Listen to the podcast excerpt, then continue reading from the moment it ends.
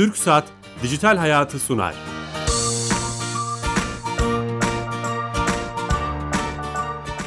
Herkese merhaba, ben Bilal Eren. Teknoloji, internet ve sosyal medyanın daha geniş anlamda dijitalleşmenin hayatımıza etkilerini konuştuğumuz Dijital Hayat programımıza hoş geldiniz. Her hoş cuma bulduk. saat 15.30'da TRT Radyo 1 mikrofonlarında değerli bir konukla önemli bir konuyu konuşmaya devam ediyoruz. Bugün çok değerli bir konuğumuz var. Doktor öğretim görevlisi ve Bilişim Teknoloji Derneği Yönetim Kurulu Başkanı Arafat Salih Aydiner hocamızla beraberiz. Hocam hoş geldiniz. Hoş bulduk. Şeref verdiniz. Bizi ağırladığınız için, davet ettiğiniz için çok teşekkür ederim. Biz de teşekkür ederiz. Zaman ayırdınız. Bugün e, çok ağzım, ağzımıza pelesenk olmuş, çok da konuşulan, gündemde olan bu yüksek katma değer konusunu konuşacağız. Yazılım yapmak veya bir donanım üretmek tek başına yüksek katma değer ifade ediyor mu? Etmiyorsa ne yapmak lazım? Bunu konuşacağız. Eyvallah. E, detaylarını vaktimiz el verdiğince size soracağım. Aynı zamanda bir derneğiniz var. Bir derneğin oluşturduğu bir etkinlik var. Onu da konuşacağız. Dinleyicilerimize aktarmaya çalışacağız. Ama öncesinde sponsorum TürkSat'a bağlanıyoruz. TürkSat Eyvallah. devletin tüm işlerini dijitale aktarmaya çalışan Türkiye Gov.tr'yi yöneten, işleten kurumumuz. Orada direktör arkadaşımız Sami Yenice bize her hafta hayatımızı kolaylaştıran bir servisi anlatıyor. Sami Bey telefon attığımızda. Sami Bey. Bilal Bey yayınlar. Hoş geldiniz yayınımıza. Hoş bulduk sağ olun. Bugün hangi hizmeti bize anlatacaksınız bu hafta? Geçen hafta açtığımız bir hizmetimiz var. Ee, onu tanıtalım bu hafta. Olur. Ee, Nüfus ve Vatandaşlık İşleri Genel Müdürlüğü protokol, pasaport bilgisi, belgesi sorgulama ve doğrulama. Ee, bu belge e, 01.06.2010 tarihinden sonra düzenlenen tüm pasaportlarınızın Nüfus ve Vatandaşlık İşleri Genel Müdürlüğü tarafından tek bir yazı üzerinde sıralı olarak ifade edildiği bir belge. İsim benzerliği, geçmişte yaşanan vize reddi ya da şüpheli durumlar için şüpheli durumların tespiti için vizeye başvuran kişinin geçmişte kaç pasaport kullandığı, hangi tarihler arasında hangi numaralı pasaportu taşıdığı bilgilerini bu belge üzerinden ulaşmak mümkün. E, hizmeti E-Devlet Kapısı'nın adresi olan türkiye.gov.tr adresinden erişmek mümkün. Tüm, tüm renkteki pasaportlar için geçerli mi yoksa protokol evet. pasaportları veya özel pasaport? Hizmet pasaportları da e, bu listenin içerisinde.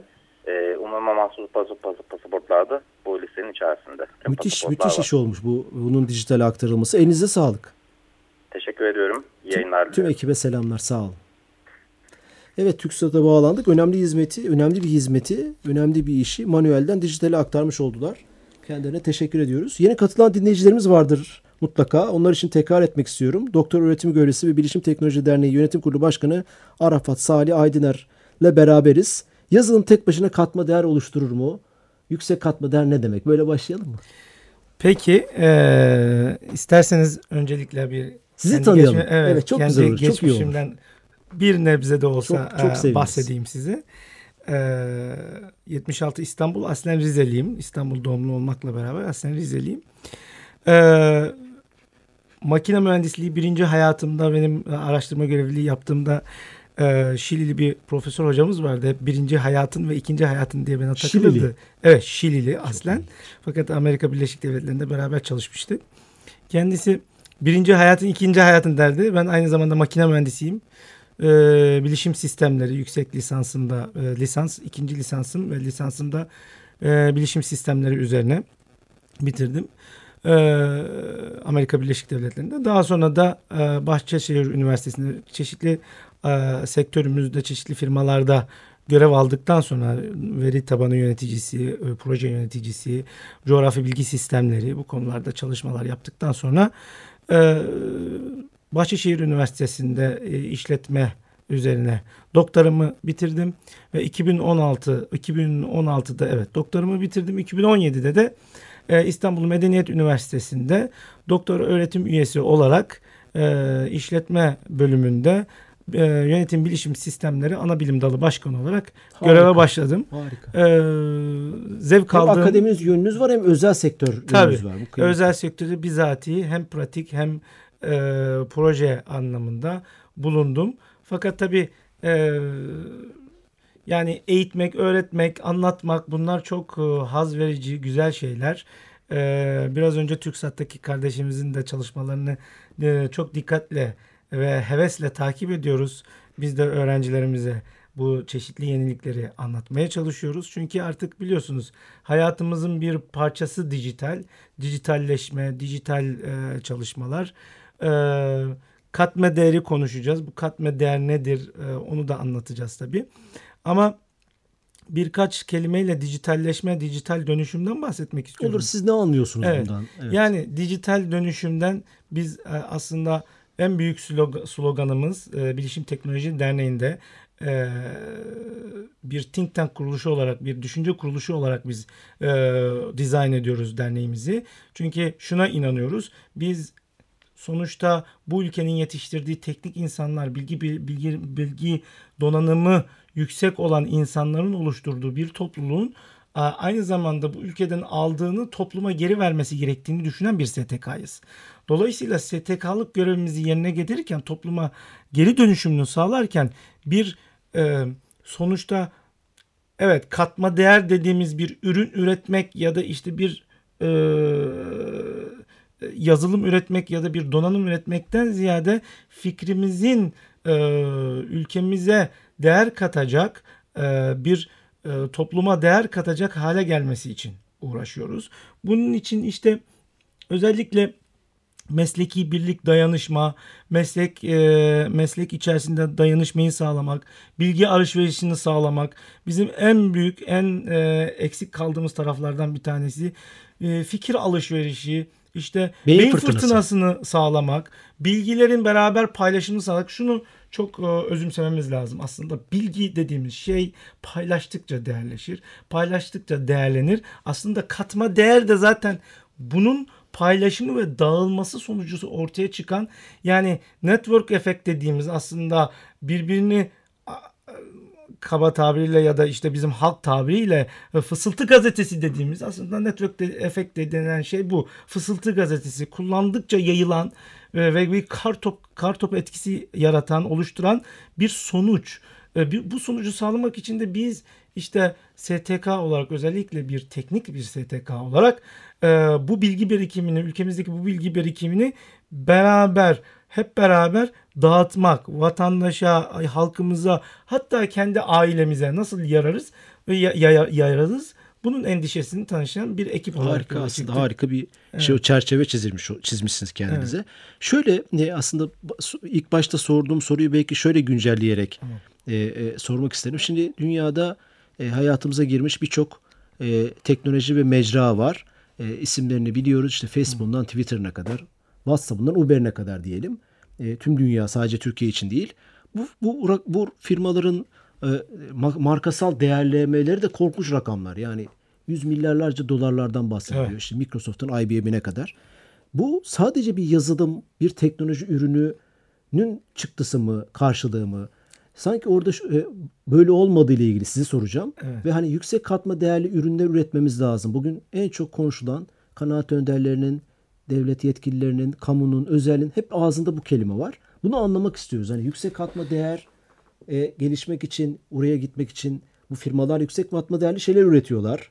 Ürünler, hizmetler veriyorlar. Nasıl başarıyorlar ve ne demek? Bunu konuşalım. Şimdi e, yüksek katma değer aslında e, biraz bir adım geri gelerek biz e, yüksek katma değerden ne anladığımızı e, sorgulamamız lazım. Aslında e, modern çağ modern çağın e, daha doğrusu ta he, fa, fayollara, Taylor'lara gittiğimiz zaman işletmeciliğin ana temalarına baktığımızda hep departmanlaşma, fokus yani bir noktaya eğilme yani e, spesifik bir alana kayma e, eyleminde görüyoruz. Fakat zaman içerisinde görülmüş ki bu spesifik alana kayma, işte belli bir ürüne fokus olma, belli bir teknolojiye konsantre olma, işte ne belli bir alana mesela ne diyoruz biz ben networkçuyum, e, ağcıyım ya da ben yazılımcıyım ya da ben security çalışıyorum, güvenlik çalışıyorum diyoruz ve böyle bir kendimizi bir e, e, spesifik alana sıkıştırıyoruz. Fakat modern çağın geldiği son noktada görüyoruz ki artık her şey e, bir hıza dayalı. Her şey değişiyor. Çevre değişiyor. Beklentiler değişiyor. istekler değişiyor. Ee, yani o kadar ki bu aralık kısaldı ki benim mesela babamla benim aramdaki beklentilerim ve isteklerim ve işte 5 e, yıllık bir süreci ya da 10 yıllık bir sürece tekabül ediliyorsa benim çocuğumla benim aramdaki bu beklentiler, istekler ve işte e, duygular, alışkanlıklar, alışkanlıklar artık saatlere inmiş vaziyette. Ee, o yüzden hızlı hareket etme ve bu hızlı hareket etmenin yanında da hızlı bir rekabet var. Çok rekabet, çok büyük bir rekabet var. Bu rekabeti yakalama peşinde herkes. Bu rekabetin yakalamasının yakalama peşinde olmasının en ana temalarından bir tanesi bir insanı yakalama, e, insanın isteklerini yakalama. Dolayısıyla burada e, işte aslında kapitale paraya dönüştürme ve işte e, karlılığa dönüştürme. Yani kapitalizmin aslında bir e, sonucu olarak gözüküyor fakat sonuçta e, her şey insana dayalıyor dayanıyor. İşte hani belki yine STK tarafıma dönmek istiyorum. Biz burada e, şu sloganı e, STK'mızda e, öne çıkartmaya çalışıyoruz. IT for Humanity. Yani bilişim teknolojilerinin e, insanlık için bilişim teknolojileri diyoruz. İşte bu hızı yakalarken aslında bir şeyi kaçırmamamız gerekiyor.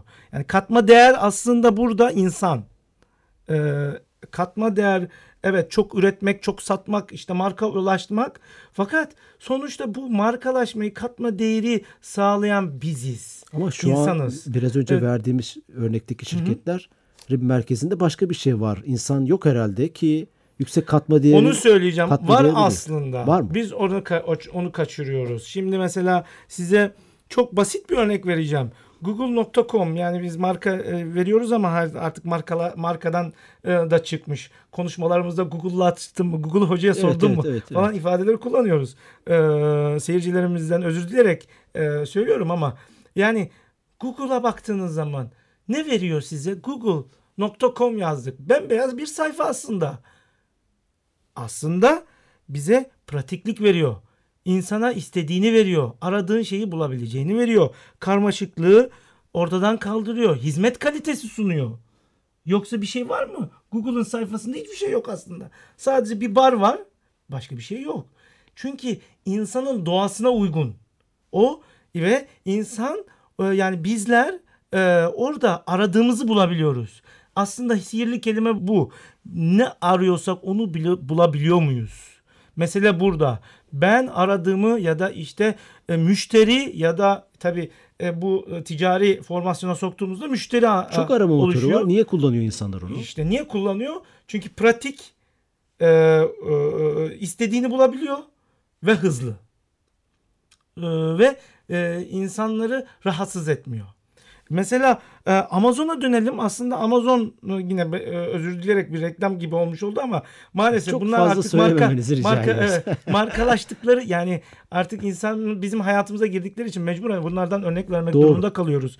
Ee, mesela Jeff Bezos diyor ki end user dediğimiz yani son kullanıcının değer vermediği hiçbir uygulamanın bizim için hiçbir kıymeti yoktur diyor. Dolayısıyla IT for Humanity dediğimiz yani bilişim teknoloji, insanlık için bilişim teknolojileri, teknoloji aslında insanlık için. Bu devasa işte bir ülkenin gayri safi milli hasılası kadar geliri olan firmaların e, Onları değerli yapan şey bu mu? Bu. İnsan. İnsanı öne koyuyorlar. insana hedef alıyorlar. İyi ya da kötü. Bunu tartışırız. O ayrı bir mevzu. Evet e, sömürü kurmuş olabilirler, e, monopoli kurmuş olabilirler. Belli bir alanı insanları kendine hapsetmiş olabilirler. Ama bunu yaparken insanı öne koruyorlar. İnsan ne istiyor? Müşteri ne istiyor? Beklentileri neler? Benim hep verdiğim bir örnek var. Öğrencilerime de bunu örnek veriyorum. Çünkü yenilikçilik ve teknoloji gelişimi derslerinde de konuştuğumuz konulardan bir tanesi bu. Aynı zamanda benim bir şapkam rahmetli babamı da burada anmak istiyorum. Bize çünkü eğitimimizi Eczacı Mustafa Aydınlar e, eğitimimizi bize bu günlere gelmemizi sağlayan e, ailemiz mutlaka bizim için e, çok önemli. Rahmetle anıyorum. Onun çalışmaları mesela olmasına rağmen bitkisel eczacı olarak bitkisel çalışmaların olmasına rağmen ben şunu fark ettim bu süreçte. Kansere dahi çare bulsanız satamadıktan sonra hiçbir işe yaramıyor. Katma değer üretemiyorsunuz. Neden? Çünkü insana yakalayamamışsınız. Çünkü insanın cazibesini yakalamak gerekiyor. Kandırmaktan bahsetmiyorum. Pazarlama kısmını çok süsleme, e, süsleyerek insanları e, kandırma kısmından bahsetmiyorum. İnsanları cezbetme, insanları ikna etme kısmından bahsediyorum. bu teknoloji firmaları da aslında insanları ikna ediyorlar. Dolayısıyla e, katma değer üretmek istiyorsak öncelikle teknolojide de yazılımda da e, e, hardware dediğimiz e, e, e, kısımda da e, insanı öne koyarak hareket etmemiz O zaman gerekiyor. şunu söyleyebilir miyiz? Aslında programımızın başlığı da o ya. Yazılım yapmak tek başına katmer oluşturmuyor. Oluşturmuyor. Oluşturmuyor. Birçok şey var. Merkeze insanı koyacağız ve öyle yapacağız. Yani siz Evet. teknik biri olarak söylüyorum. En iyi yazılımı da yapsanız ki çok yetenekli şirketlerimiz, e, e, topluluklarımız var. Peki dünyada da var. Hindistan'da, Brezilya'da var. işte Evet. ama işte e, en çok kullanılan mesajlaşma uygulaması WhatsApp oluyor. İşte E, şimdi ona geliyorum. Bunu Aslında nasıl başarıyorlar teknik olarak? Ba- Başka hangi süreçler o sizin e, etkinliğinizdeki konuştuğunuz konular da çerçevesinde Evet. konuşacak olursak. Şimdi o konulara aslında tam e, değdiğimiz nokta burası. Şimdi e, dünyada bir yazılım süreçleri dediğimiz e, software development life cycle denilen aslında yazılım e, geliştirme e, hayat süreci denilen bir süreç var.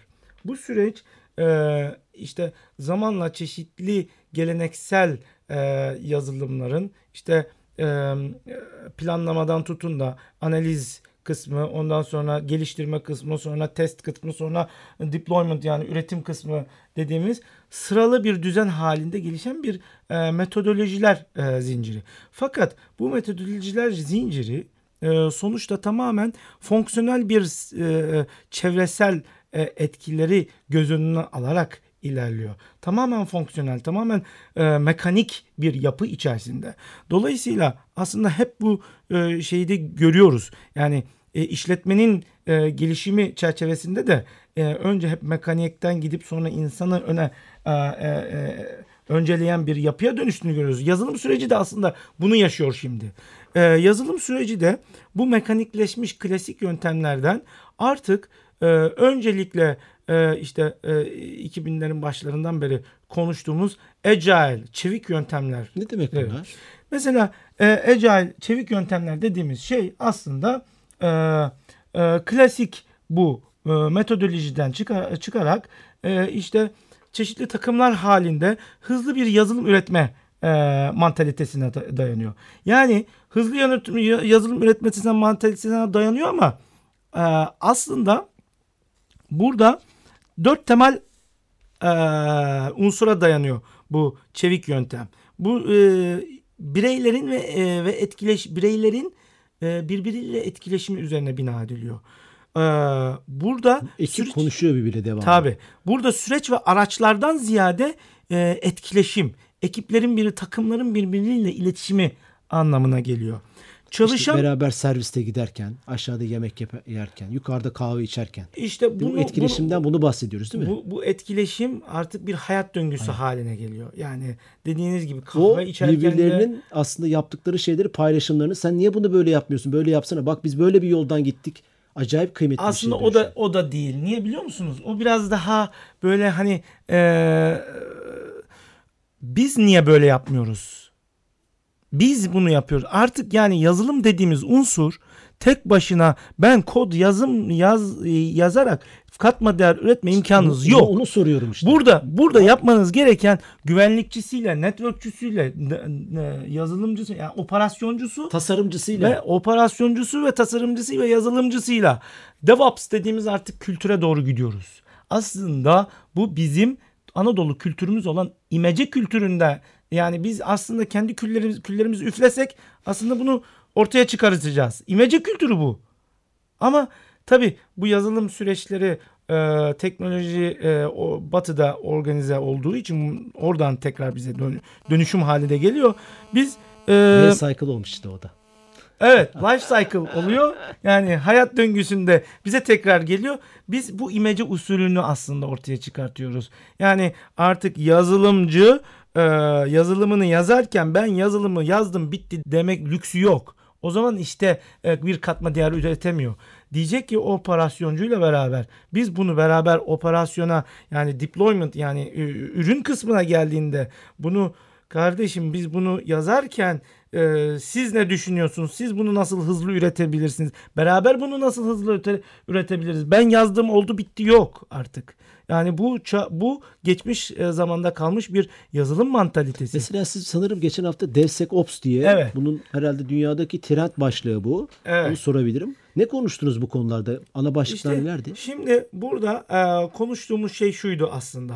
DevSecOps aslında bu bir süreç. Agile'dan sonra DevOps geliyor. Çünkü Agile'da sadece e, yazılımcılar konuşuyorlar birbirleriyle. Bu bahsettiğim işte e, çalışan bir yazılım de, detaylı belgelendirmeden ziyade çalışan bir yazılım yapmak. Agile mi deniyor? Bir, ona, evet, ne bireylerin o? etkileşimi çevik. Çeviklik. E, çevik, e, çeviklik. Bireylerin etkileşimi, müşterileriyle olan işbirliği, müşteri bura öne e, e, konuyor. Sözleşmeden ziyade çünkü sözleşme biliyorsunuz çok resmi bir e, unsur. Sözleşmeden çıkıp aslında müşteriyi de e, içine almak, e, değişikliklere uyum sağlayabilir, anlak. Çünkü müşteri e, bir bakıyorsunuz bir hafta sonra farklı ihtiyaçları başka oluyor, başka oluyor. ihtiyacı Bunu oluyor. niye böyle yaptın? Bunu hemen mesela. adapte edebilme, projeye adapte edebilme. Bu yazılım sürecindeydi. Kullanıcılarla da yani bunu Çev- satacağın kişilerle de veya kullanıcılarla da etkileşim İnternet, halinde olmak. Etkileşim halinde olmak. Tamam. Şimdi bu tabii e, çevik e, yazılım e, metodolojisinde e, sadece e, development kısmında yazılım yapan ekipler içindi. Fakat Şimdi... operasyoncular dediler ki ya tamam yazılımı yapıyorsunuz da bunun server var, network'u var. Bunu bir yere koyacaksınız. Bunu bir yere deploy edeceksiniz. E, bizim güvenlik sistemlerimiz var. E, siz bunu yazılım yaptık biz çıktık bitti. Olmuyor. Biz de bunu kendimize adapte etmemiz lazım dediler. Onlara da operasyoncular mı deniyor? Onlara da operasyoncular deniyor. Çünkü bu iki ayaklı tek başına değil. Aslında üç ayaklı da şimdi ona geleceğim. İki ayaklı olarak 2000'li e, iki, e, pardon 2009'un başında dev operasyoncular bir araya geliyorlar ya bizde agile yani çevik yöntem uygulamamız lazım. Ne oluyor o zaman? Yazılımcılarla operasyoncular birbiriyle konuşması lazım kardeşim. Aynı ekipte bir arada bu işi yaparken projeyi beraber yürütmeleri lazım. Ne oluyor? O zaman DevOps diye bir Dev şey or- ortaya çıkıyor. Ee, ve böylelikle dev development, development geliştiricinin, yani, geliştiricinin devi, devi operation'ın operation'ın opera, operasyoncu'nun da opera. Bu iki bir araya geliyor. Fakat teknoloji üreticileri böyle bir şeyin farkına varmış fark, ve deneyimlemiş evet. değil mi? Şimdi e, fakat e, bunun bir üst segmenti ortaya çıkıyor. Bu sefer de güvenlik kısmı. Güvenlikçiler şimdi kardeşim yazılımı ürettiğiniz ama bu güvenlik kurallarına uymuyor ki. Bu security'nin seki değil Secu- mi? Security'nin seki. Hem operasyonda bir güvenlik kısmı var hem yazılımda bir güvenlik kısmı var. Artık security'ciler yani güvenlikçiler diyorlar ki güvenli yazılım oluşturmamız lazım. Yani güvenliği sadece bir network'te yani ağda değil sadece bir server'da değil yani ana makinede değil artık e, yazılımın kendi içerisinde güvenli bir yazılım oluşturmamız lazım. Yazılımı yaparken güvenliği bu içine sandviç halinde bir araya getirmemiz lazım. Dolayısıyla dev, sek, ops haline Değil geliyor. Mi? Biz bunu bir analoji olarak kullanıyoruz. Yani e, İstanbul'u e, temsilen İstanbul'unuzu biliyorsunuz iki kıtadan oluşuyor. Avrupa, Asya. İşte e, yazılım geliştirmeye Avrupa, operasyonu Asya, köprüyü de se- security, güvenlik Çok olarak analoji haline getiriyoruz. Ve dolayısıyla biz Türkiye'de ilk defa e, Bilişim Teknoloji Derneği olarak e, e, e, Tayland'da, Singapur'da, San Francisco'da, New York'ta olan DevSecOps Days İstanbul'da yaptınız. E, konferansının ayağını artık İstanbul'da yaptık ve her sene yapacağız. Her sene yapacak. Seneye ne zaman olacak? Seneye 4-5 bir aksilik olması 4-5 Haziran'da inşallah Şimdiden... DevSecOps Days İstanbul'u yapmış oluyoruz. Ama yap, yapacağız inşallah. Tabii bu süreç içerisinde bu yaptığımız konferansta yaklaşık 90 tane farklı sektörden misafirimiz geldi. 220 plus misafirimiz geldi. Çok güzel bir konferans deneyim yaptık. Guruları dünya e, DevSecOps gurularını Türkiye'de ağırlamış olduk ve hands-on dediğimiz workshop la beraber taçlandırdık. Çünkü biliyorsunuz sadece teori anlatmak değil, pratiği de meselenin pratiğini de göstermemiz gerekiyordu. Pratiğine burada çok e, teşekkür etmem gereken iki insan var. E, müsaade ederseniz bu bu e, teknolojinin, bu metodoloji metodolojinin Türkiye gelmesine vesile olan Hasan Yaşar Bey Carnegie Mellon Üniversitesi'nde e, o hem de bir Türk. Çok bir güzel. Türk, evet bir Türk kardeşimiz. Kendisi orada siber güvenlik e, müdürü e, ve DevOps, e, dünyadaki DevOps'ın 50 gurularından bir tanesi kendisi aslında bu işin Türkiye gelmesine vesile olan. İkinci kişi kim? İkincisi kişi de DevSecOps Days'in kurucularından Mark Miller. Ona da çok teşekkür Süper. ediyorum. Biz de size teşekkür ediyoruz. Arafat Salih Aydiner. Çok teşekkür sonuna ederiz. geldik. Evet. Ama evet. katma değer için sadece yazılımın değil birçok şeyin gelmesi gerektiğini. Bence programın jenerik şeyi şu oldu. İnsan merkezi teknolojiler evet. oldu. O yüzden bir de son olarak şunu ifade etmek istiyorum hızlıca. Gördük ki spesifikleşmekten artık kolektivite haline gelmeye, genelleşme haline beraber gelmeye, iş beraber iş yapmak kültürüne dönmemiz gerektiğini buradan anlıyoruz. Çok teşekkür ediyoruz. Doktor Öğretim Görevlisi ve Bilişim Teknoloji Derneği Yönetim Kurulu Başkanı Arafat Salih Aydiner. Yazılım yapmak tek başına katma değer oluşturur mu? Katma değer nedir? Onu konuşmaya çalıştık. Aynı zamanda bu sene yaptıkları, seneye de 4-5 Haziran 2020'de yapacakları DevSecOps isimli evet. etkinliğin detaylarını öğrendik. Size bu, bu etkinliği izlemeye devam edeceğiz haftaya veya bir dahaki haftalarda size duyurmaya çalışacağız. çalışacağız. Bize katıldığınız için teşekkür ederiz. E, yapımcım Yelda Karagöz, yönetmenimiz Erol Doğu. Kendilerine de teşekkür ediyoruz. Haftaya yeni konu ve konuklarla beraber olacağız. İyi hafta sonları, hoşçakalın. Ben de çok teşekkür ederim. Türk Saat Dijital Hayatı sondu.